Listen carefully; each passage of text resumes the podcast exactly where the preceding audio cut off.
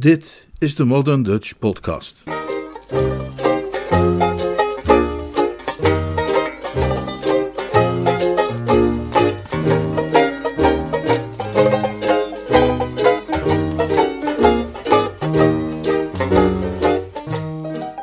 Het meisje in de taxi. Een roman van P.G. Woodhouse. Vertaald en voorgelezen door Leonard Beuger.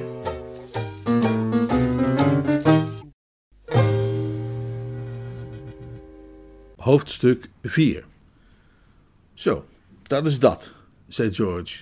Ontzettend bedankt, zei het meisje. Het was me genoegen, zei George. Hij was nu in de gelegenheid om van wat dichterbij en rustiger een veel informatiever blik te werpen op de jonkvrouw in nood dan hij tot op dat moment had mogen doen.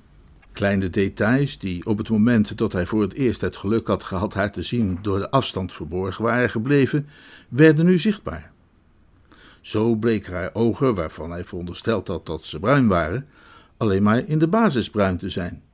Ze waren in feite doorspekt met aantrekkelijke spatjes goud, die perfect pasten bij de kleine gouden lokken die de zon, wanneer die zich even vertoonde voor een van zijn bliksembezoekjes en de wereld weldadig bescheen, tevoorschijn toverde in haar haar. Haar kin maakte een wat hoekige en vastberaden indruk, die echter werd tegengesproken door het kuiltje erin en door de plezierige opgewektheid van haar mond. De mildheid van haar gezicht werd verder nog bevorderd door haar neus, die van plan leek te zijn geweest zich vooral waardig en aristocratisch te tonen, maar dat doel had verraden door aan de punt een heel klein beetje omhoog te buigen. Dit was een meisje dat wel iets durfde wagen, maar bereid was tot een glimlach of er zelfs om kon gniffelen wanneer een waagstuk toch niet zo goed bleek uit te pakken. George was maar een amateur als het erom ging iemands gezicht te lezen, maar de belangrijkste trekken wist hij toch altijd wel te duiden. En hoe meer hij dit meisje bekeek, hoe minder hij de scène die zich zojuist had afgespeeld kon plaatsen. Want ondanks al haar opgewektheid bezat dit meisje onmiskenbaar een houding, een stijl, nou ja, iets opvallend capabels en weerbaars, waarvan hij zich niet kon voorstellen dat ook maar iemand daar spelletjes mee zou durven spelen.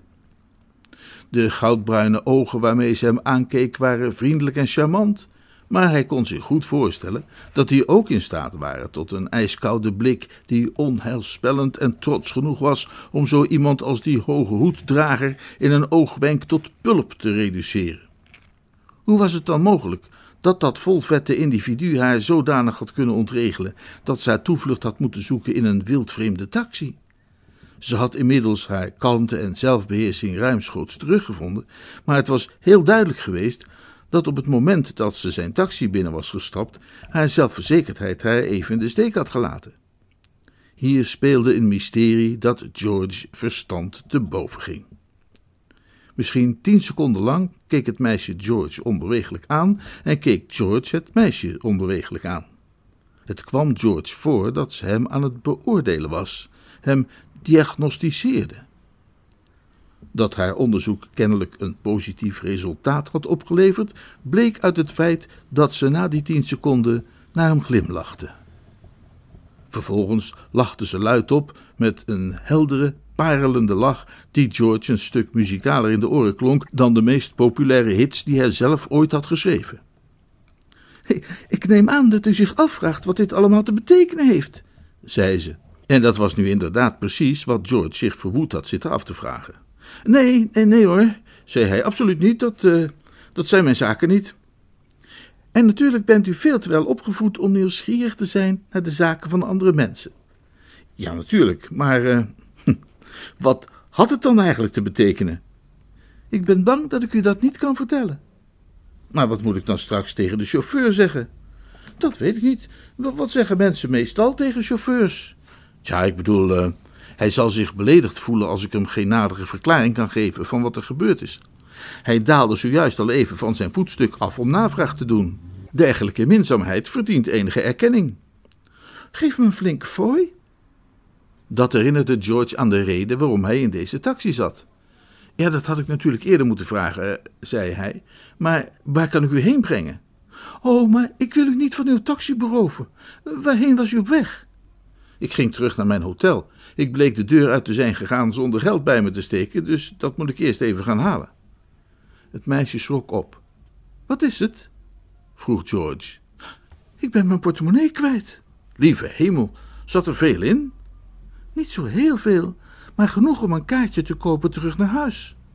Uh, heeft het zin om te vragen waar dat is? Ik ben bang van niet. Nou, ging ik natuurlijk ook niet doen, hè? Nee, natuurlijk niet. Dat bewonder ik juist zo in u, dat u niet nieuwsgierig bent. George dacht even na. Er is maar één ding dat we kunnen doen. U zult bij het hotel even in de taxi moeten blijven wachten tot ik mijn geld gehaald heb. En dan zal ik u, als u me toestaat, kunnen lenen wat u nodig heeft. Dat is al te vriendelijk van u. Elf shilling, zou dat lukken? Makkelijk. Ik heb net een erfenis gehad. Maar als u vindt dat ik zuinig moet zijn, reis ik wel derde klas. Dat kost maar vijf shilling. Tien en een half kost een eerste klas kaartje. Daar kunt u trouwens uit opmaken dat waar ik heen wil, twee uur reizen van Londen verwijderd ligt. Kijk, dat is tenminste iets om te weten. Maar niet zoveel, toch? Ik denk dat ik u maar beter een heel pond kan lenen. Dan kunt u ook nog iets te eten kopen voor de lunch. U denkt ook overal aan. En u heeft helemaal gelijk. Ik kom anders om van de honger. Maar hoe kunt u weten of u uw geld wel terug zult krijgen? Dat durf ik er wel op te wagen. Goed, maar dan zal ik zelf nieuwsgierig moeten zijn en naar uw naam vragen. Anders weet ik niet waar ik het geld heen moet sturen. Oh, maar uh, aan mij is niets geheimzinnigs. Ik ben een open boek. Nou hoeft u niet zo geniepig over te doen. Ik kan niet helpen dat ik een beetje geheimzinnig moet doen. Ja, maar zo bedoelde ik het niet. Zo klonk het anders wel. Maar goed, hoe heet mijn weldoener? Ik heet George Bevan en ik logeer op dit moment in het Carlton. Dat kan ik wel onthouden. De taxi reed langzaam over de Haymarket. Het meisje lachte. Wat is het? vroeg George. Ik dacht nog even terug aan daarnet. Ik kan u gewoon niet genoeg bedanken voor alles wat u voor me heeft gedaan. U, u was geweldig. Ik ben blij dat ik u van dienst heb kunnen zijn. Maar wat is er nu precies gebeurd? U moet bedenken dat ik alleen uw rug maar kon zien en verder niks. En horen kon ik het ook niet goed. Nou, het begon ermee dat er een man aankwam draven, die bleef volhouden dat u in mijn taxi was gestapt. Het was een kerel die eruit zag als de voorgebruikfoto in de advertentie van een afslankmiddel en hij had de manieren van een rolstaartaap. Het meisje knikte. Dan was het inderdaad Percy. Ik wist wel dat ik het goed gezien had. Percy? Ja, zo heet hij. Natuurlijk, Percy. Daar had ik om durven wedden. En wat gebeurde er toen? Ik probeerde met die man te praten, maar dat leek hem niet te kalmeren. En uiteindelijk greep hij naar de hendel van het portier, dus toen sloeg ik hem zijn hoed van zijn hoofd, en terwijl hij die probeerde te redden, reden we verder en konden we ontsnappen. Het meisje produceerde opnieuw een parelende lach. Oh, wat jammer dat ik dat niet heb kunnen zien. En wat slim van u. Hoe kwam u daarop? Och, dat viel me zomaar in, zei George bescheiden. Er kwam een serieuze blik in de ogen van het meisje. Haar glimlach doofde uit. Ze huiverde. Oh, als ik toch bedenk hoe sommige andere mannen zich in uw plaats zouden hebben gedragen. Wel, nee, elke man zou gedaan hebben wat ik deed. Die Percy de hoed van het hoofd slaan was eenvoudig een daad van beleefdheid die iedereen als vanzelfsprekend zou hebben verricht. Maar u had ook een ontzettende lomperik kunnen zijn, of wat misschien nog wel erger was geweest, zo'n hersenloze slome duikelaar die eerst vragen was gaan stellen voordat hij iets deed. Wat een geluk dat ik van heel Londen precies u heb uitgekozen. Ik heb het ook een groot geluk gevonden, maar dan geheel vanuit mijn gezichtspunt. Ze legde zachtjes een hand op zijn arm en zei met ernst: Mr. Bevan, ik lach nu wel en doe misschien net of het allemaal maar een grap was, maar u moet vooral niet denken dat u mij niet werkelijk van iets heel vervelends hebt gered.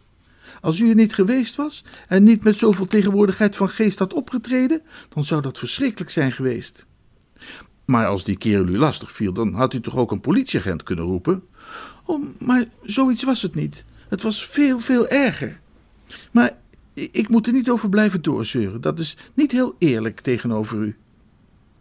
Haar ogen lichten weer op bij een stralende glimlach. Ik weet dat u niet nieuwsgierig naar mij bent, maar dat zou u natuurlijk best nog wel eens kunnen worden als ik maar bezig blijf met geheimzinnig doen. En het onnozele van de zaak is dat er eigenlijk niets geheimzinnigs aan is. Ik kan er alleen niet met iedereen over praten. Maar ja, dat, dat is natuurlijk precies wat iets geheimzinnig maakt. Ja, nee, maar wat ik bedoel is, Ik ben niet een prinses in vermomming die probeert te ontsnappen aan anarchisten of iets anders wat je in een boek leest. Ik ben alleen maar doodgewoon een lastig geval. Het zou u alleen maar ontzaglijk vervelen als ik u vertelde hoe het zat. Nou, dat wil ik er wel eens zien. Ze schudde haar hoofd. Nee. En bovendien, we zijn er. De taxi had stilgehouden bij het hotel en een portier deed de deur al open. En als u inmiddels geen spijt heeft van uw even vriendelijk als ondoordachte aanbod om mij geld te lenen, wilt u het misschien wel even snel voor me gaan pakken, want ik moet me haasten. Ik kan nog net een gunstige trein halen en het duurt uren voordat de volgende komt. Wacht maar even hier, ik ben zo terug. Prima. Het laatste wat George van haar zag, was nog zo'n opwekkende glimlach van haar. Het was letterlijk het laatste wat hij van haar zag, want toen hij nauwelijks twee minuten later terugkwam, was de taxi weg en was het meisje weg en was de wereld verlaten en leeg. Terwijl hij deze volstrekt onvoorziene ramp in ogenschouw nam, voorzag de portier hem van informatie. Die jonge dame is met de taxi verder gereden, meneer. Met de taxi verder gereden? Vrijwel meteen nadat u naar binnen was gegaan, is ze weer ingestapt, meneer. Ze gaf de chauffeur opdracht om naar Waterloo Station door te rijden. George begreep er niets van. Zwijgend en compleet verslagen stond hij daar, en hij had er misschien nu nog wel gestaan, als hij niet door een dictatoriaal stemgeluid vlak naast hem was opgeschrikt. U daar, meneer, wel verdorie! Een tweede taxi was voor de deur blijven staan, en daaruit sprong een jongeman tevoorschijn met een gloeiend rood hoofd. Eén enkele blik was voor George voldoende. De jacht werd voortgezet. De bloedhond had het spoor opgepikt. Daar was onze Percy weer. Voor het eerst sinds hij haar vlucht had bemerkt, was George dankbaar dat het meisje was verdwenen.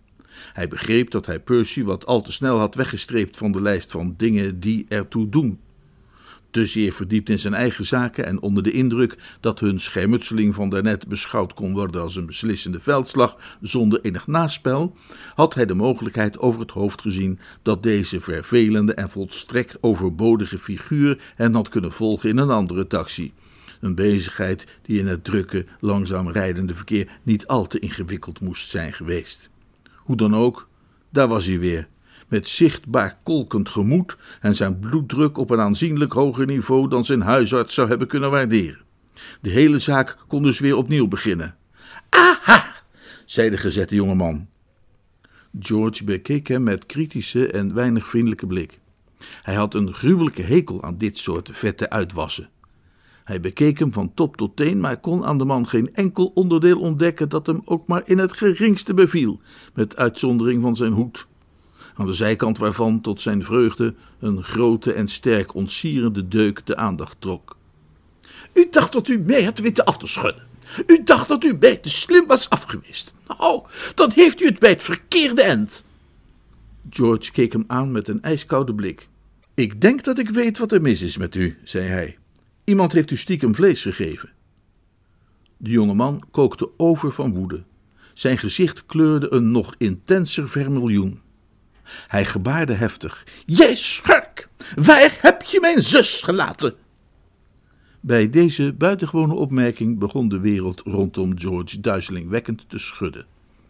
Die woorden haalden zijn hele begrip van de situatie overhoop. Tot op dat moment had hij die kerel beschouwd als een Lothario, een, een monster dat jonkvrouwen achtervolgde en lastig viel. Dat de man wellicht ook enig recht aan zijn kant zou kunnen hebben, was nooit bij hem opgekomen. Bij die schok verging hem alle bravoer. Het was alsof de grond onder zijn voeten wegzonk. Uw zus? Je hebt gehoord wat ik zei. Waar is ze? George was nog even bezig zijn verbrokkelde verstand bijeen te rapen. Hij voelde zich dom en beschaamd. Hij had gedacht dat hij onmiskenbaar in zijn recht stond, en nu bleek dat hij het de hele tijd al bij het verkeerde eind had. Heel even was hij geneigd vrede te sluiten. Maar toen herinnerde hij zich de paniek van het meisje en haar opmerkingen over een of andere narigheid die haar bedreigde, vermoedelijk middels deze kerel, broer of geen broer, en dat bracht hem weer tot zichzelf. Hij wist niet waar het allemaal over ging, maar het enige dat duidelijk bleef staan in deze warboel van raadselachtige gebeurtenissen was dat het meisje zijn hulp nodig had. Hoe het ook allemaal in elkaar mocht zitten, hij stond aan haar kant en zo zou hij zich ook gedragen. Ik weet niet waar je het over hebt, zei hij. De jonge man schudde een grote, gehandschoende vuist in zijn gezicht. Jij schurk! Een weelderige, diepe, zachte en rustgevende stem gleed de verhitte scène binnen als de heilige graal die langs een zonnestraal kwam neergedaald. Hm, wat waren wij van plan? Een lange, fors gebouwde politieagent was opgedaagd vanuit het niets. Hij stond zomaar opeens naast hen als een levend standbeeld voorstellende de waakzame overheid. Een duim haakte kalmpjes achter zijn brede riem. De vingers van zijn andere hand wreven soepel langs een snor die meer hartkloppingen had veroorzaakt bij leden van de tedere sekse dan iedere andere twee snoren in de C-divisie samen. De ogen boven die snor glansden streng en onderzoekend. Wat waren wij van plan? George hield van politieagenten. Hij wist ook hoe hij met ze om moest gaan. Toen hij antwoordde, had zijn stem dan ook precies de juiste toon van respect die de man in het blauw graag hoort. Ja, dat, dat zou ik inderdaad ook wel eens willen weten, agent, zei hij, helemaal met de houding van iemand die op een lastig moment gelukkig zijn behulpzame oudere broer ziet aankomen, die hem ongetwijfeld uit de problemen kan helpen, waardoor hij de agent acuut tot zijn bondgenoot maakte. Ik stond hier gewoon toen deze man mij plotseling begon lastig te vallen. Het zou fijn zijn als u hem kon vragen mij met rust te laten. De politieagent tikte de gezette jongeman op de schouder. Zo gaat dat niet, meneertje, zei hij op strenge toon. Oh nee, zo gaat dat absoluut niet. Blijf met je handen van mij af, snoof Percy. Er verscheen een frons op het voorhoofd der Olympier. Jupiter greep naar zijn bliksemschichten. Hallo, hallo, hallo, zei hij met geschokte stem, als die van een god die werd uitgedaagd door een sterveling. Hallo, hallo, hallo. Zijn vingers kwamen opnieuw neer op Percy's schouder, maar dit keer niet louter voor een waarschuwend tikje. Zij namen die schouder vast in een ijzeren greep. Zo zijn wij niet getrouwd, makker, zei hij. Absoluut niet. Versta je dat? Een vlaag van waanzin overviel de gezette jongeman. Gewone alledaagse voorzichtigheid en alles wat hem in een zorgvuldige opvoeding was bijgebracht, viel als een los gewaad van hem af. Met een woordeloze kreet wrong hij zich rond en stompte de politieman krachtig in de maag. Ho! sprak de getroffen diende verontwaardigd en daalde plotseling af tot menselijk niveau. Zijn linkerhand kwam los van de riem en nam de kraag van de agressor deskundig vast. Kom jij maar eens met mij mee, mannetje. Het was verbijsterend. En het was in een oogwenk gebeurd. Het ene moment, zo kwam het op George over, was hij het middelpunt van een akelige ruzie op een van de meest openbare plekken in Londen, en het volgende ogenblik was de focus geheel verschoven. Hij deed er niets meer toe en alle aandacht van de complete metropool was gericht op de man die hem had aangevallen en die, daartoe bewogen door de arm der wet, thans de wandeling maakte naar het politiebureau van Vine Street, waarin vele mannen, beter dan hij, hem waren voorgegaan. George keek het paar na terwijl ze de Haymarket uitliepen, gevolgd door een groeiende en steeds belangstellender menigte. Ten slotte ging hij het hotel binnen. We zijn, zei hij bij zichzelf, pas op de helft van een perfecte dag. En ik vond Londen nog wel zo saai.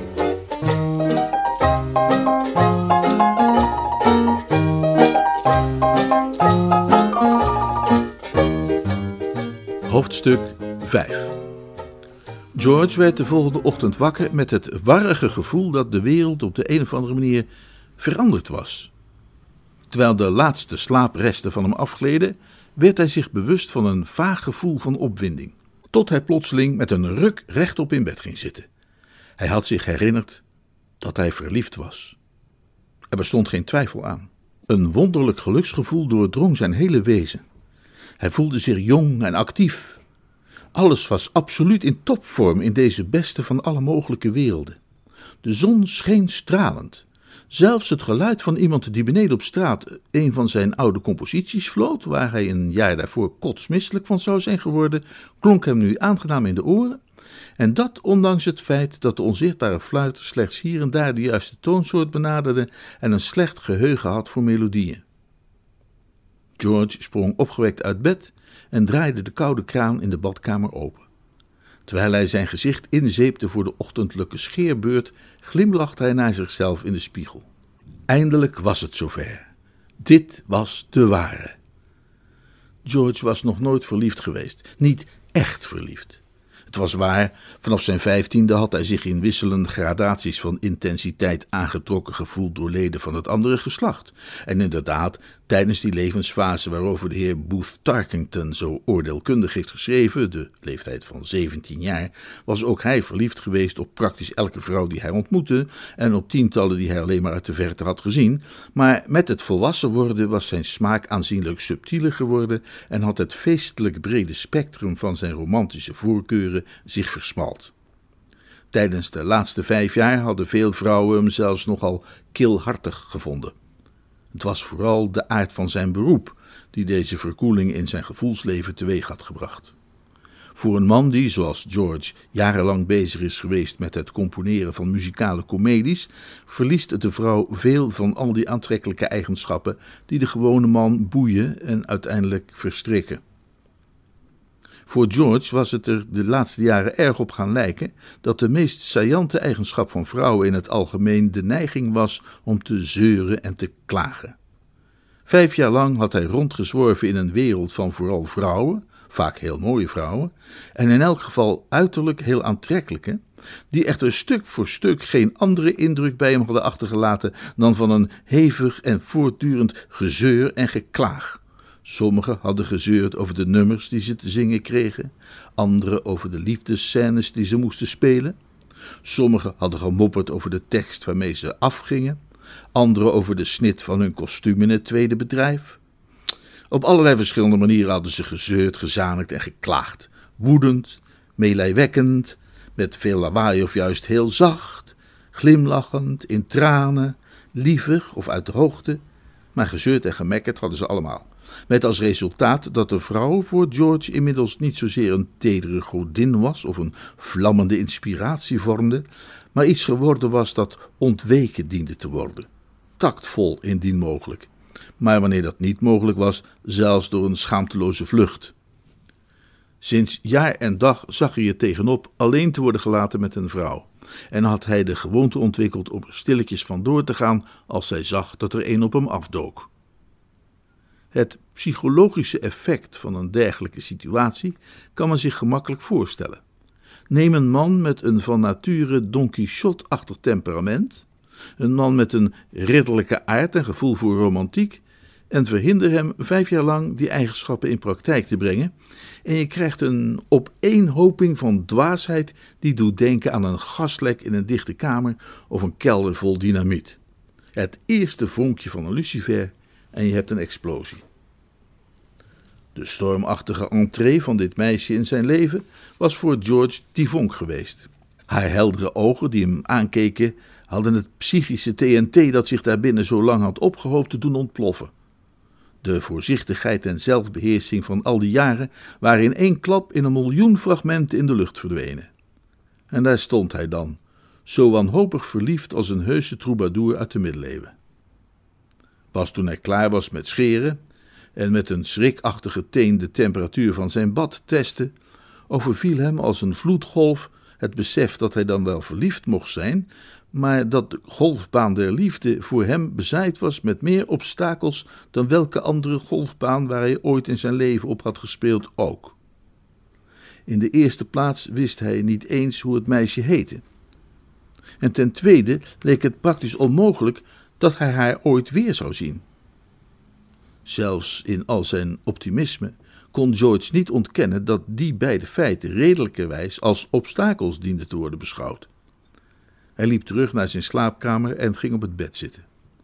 Enig nadenken leek vereist.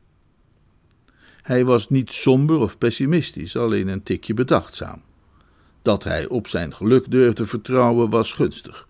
Hij bevond zich, besefte hij, in de positie van een man die een geweldige afslag heeft gedaan vanaf de tee en zijn bal terugvindt in de buurt van de green, maar in een gemeen kuiltje. Hij was al heel ver gekomen, maar moest nu zorgen dat hij zijn voorspoed ook tot een goed einde wist te brengen. De driver van het geluk moest worden vervangen door de houten vijf, of mogelijk de ijzeren negen, der scherpzinnigheid. Als zij nu tekortschoot en dit meisje uit zijn leven liet verdwijnen, alleen omdat hij niet wist wie ze was of waar ze was, zou hem dat tot een povere held maken. Een man kon niet verwachten dat het geluk alles voor hem deed. Hij moest wel met de genade meewerken. Wat had hij om van uit te gaan? Nou ja, niet veel als het erop aankwam. Hij wist alleen dat ze zo'n twee uur sporen vanaf Londen woonde, met een trein die vanuit Waterloo Station vertrok. Wat zou Sherlock Holmes hebben gedaan? Ook geconcentreerd nadenken leverde geen antwoord op die vraag, en het was op dat punt dat het opgewekte optimisme waarmee hij de dag was begonnen George verliet en plaats maakte voor een grauwe somberheid. Een vreselijke uitdrukking, obsederend in zijn pathos, sloop zijn gedachten binnen. Schepen die elkaar passeren in de nacht. Hm. Dat zou gemakkelijk waar kunnen worden. Sterker nog, toen hij er nog eens zorgvuldig over nadacht onder het afdrogen na zijn bad, kon George niet zien hoe het ooit anders zou kunnen aflopen. Hij kleedde zich somber aan en verliet zijn kamer om beneden te gaan ontbijten. Het ontbijt zou in ieder geval wat kunnen helpen tegen het ijzige gevoel dat hem zo moedeloos maakte, en na een kopje koffie of twee kon hij allicht wat helderder denken. Hij deed de deur open. Op de mat in de gang lag een brief. Het handschrift was vrouwelijk. Het was ook in potlood en hij kende het niet. Hij opende de envelop. Beste meneer Bevan, begon de brief. Zijn hart sprong op toen hij naar de handtekening keek. De brief was ondertekend met het meisje in de taxi. Beste meneer Bevan, ik hoop dat u het niet erg onbehoorlijk hebt gevonden dat ik er vandoor ben gegaan zonder u gedag te zeggen. Ik moest wel. Ik zag Percy aankomen rijden in een taxi en begreep dat hij ons moest zijn gevolgd. Hij had mij niet gezien, dus ik kon veilig wegkomen.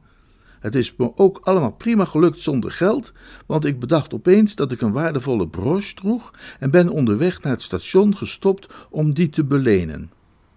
Nogmaals heel erg bedankt voor al uw geweldige vriendelijkheid. Met hartelijke groet, het meisje in de taxi. George las het briefje tweemaal onderweg naar de ontbijtzaal en nog drie keer tijdens het ontbijt zelf. Na zo de inhoud tot met de laatste komma in zijn geheugen te hebben opgeslagen, gaf hij zich over aan van bewondering gloeiende gedachten. Wat een vrouw! Hij was nog nooit van zijn leven een vrouw tegengekomen die een brief kon schrijven zonder tenminste één PS, en dat was dan nog de geringste van haar gaven. Hij vernuft om te bedenken dat ze die broche kon belenen. En die vriendelijkheid om de moeite te nemen hem een briefje te sturen. Meer dan ooit was hij ervan overtuigd dat hij in haar zijn ideale vrouw had ontmoet. En meer dan ooit was hij ervan overtuigd dat een onbeduidend detail als het feit dat hij haar naam niet kende en de plek waar ze woonde, hem niet van haar weg kon houden. Het was ook niet dat hij geen enkele aanwijzing had. Hij wist dat ze op twee uur afstand van Londen woonde met een trein vanuit Waterloo Station. Dat maakte het zoeken natuurlijk al een heel stuk eenvoudiger. Er waren maar ongeveer drie graafschappen waarin ze kon wonen, en het is een waardeloze vent die niet in staat is om een paar miserige graafschapjes te doorzoeken naar het meisje waar hij van houdt. En dat geldt zeker voor een vent met zoveel geluk als hij.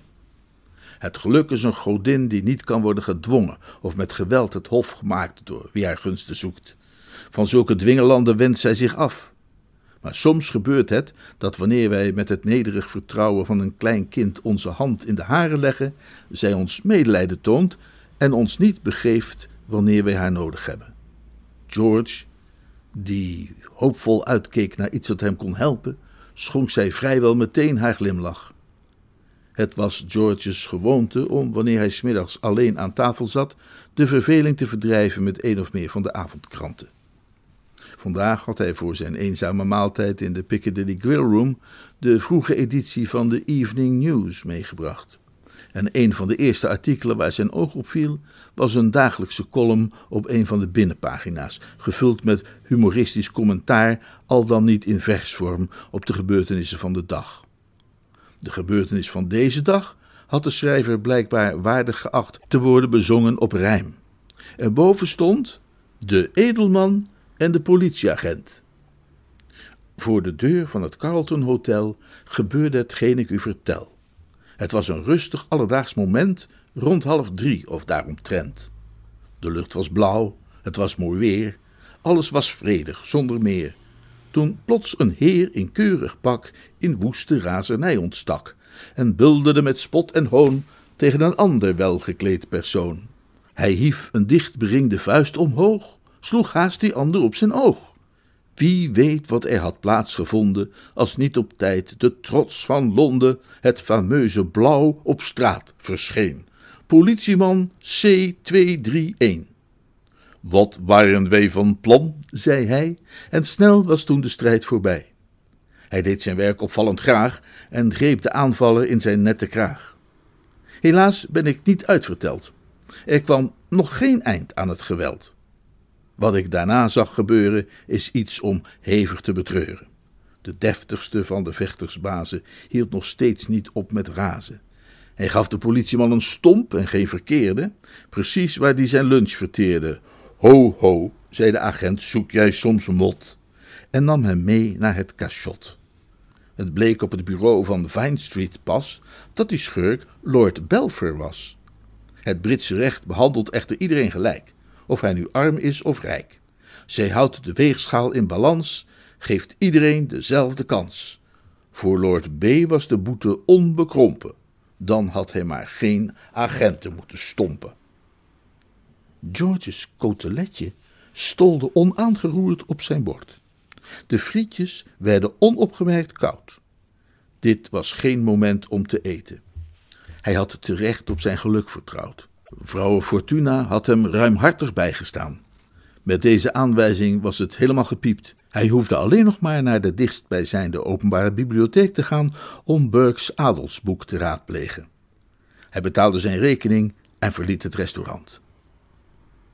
Tien minuten later zoog hij gretig de veelbetekenende informatie op dat Belfer de familienaam was van de graaf van Marshmoreton en dat de huidige graaf een zoon had, Percy Wilbraham Marsh, opleiding Eton en Christchurch, Oxford, en wat het rode boekje met zijn gebruikelijke kortheid aanduidde als 1D.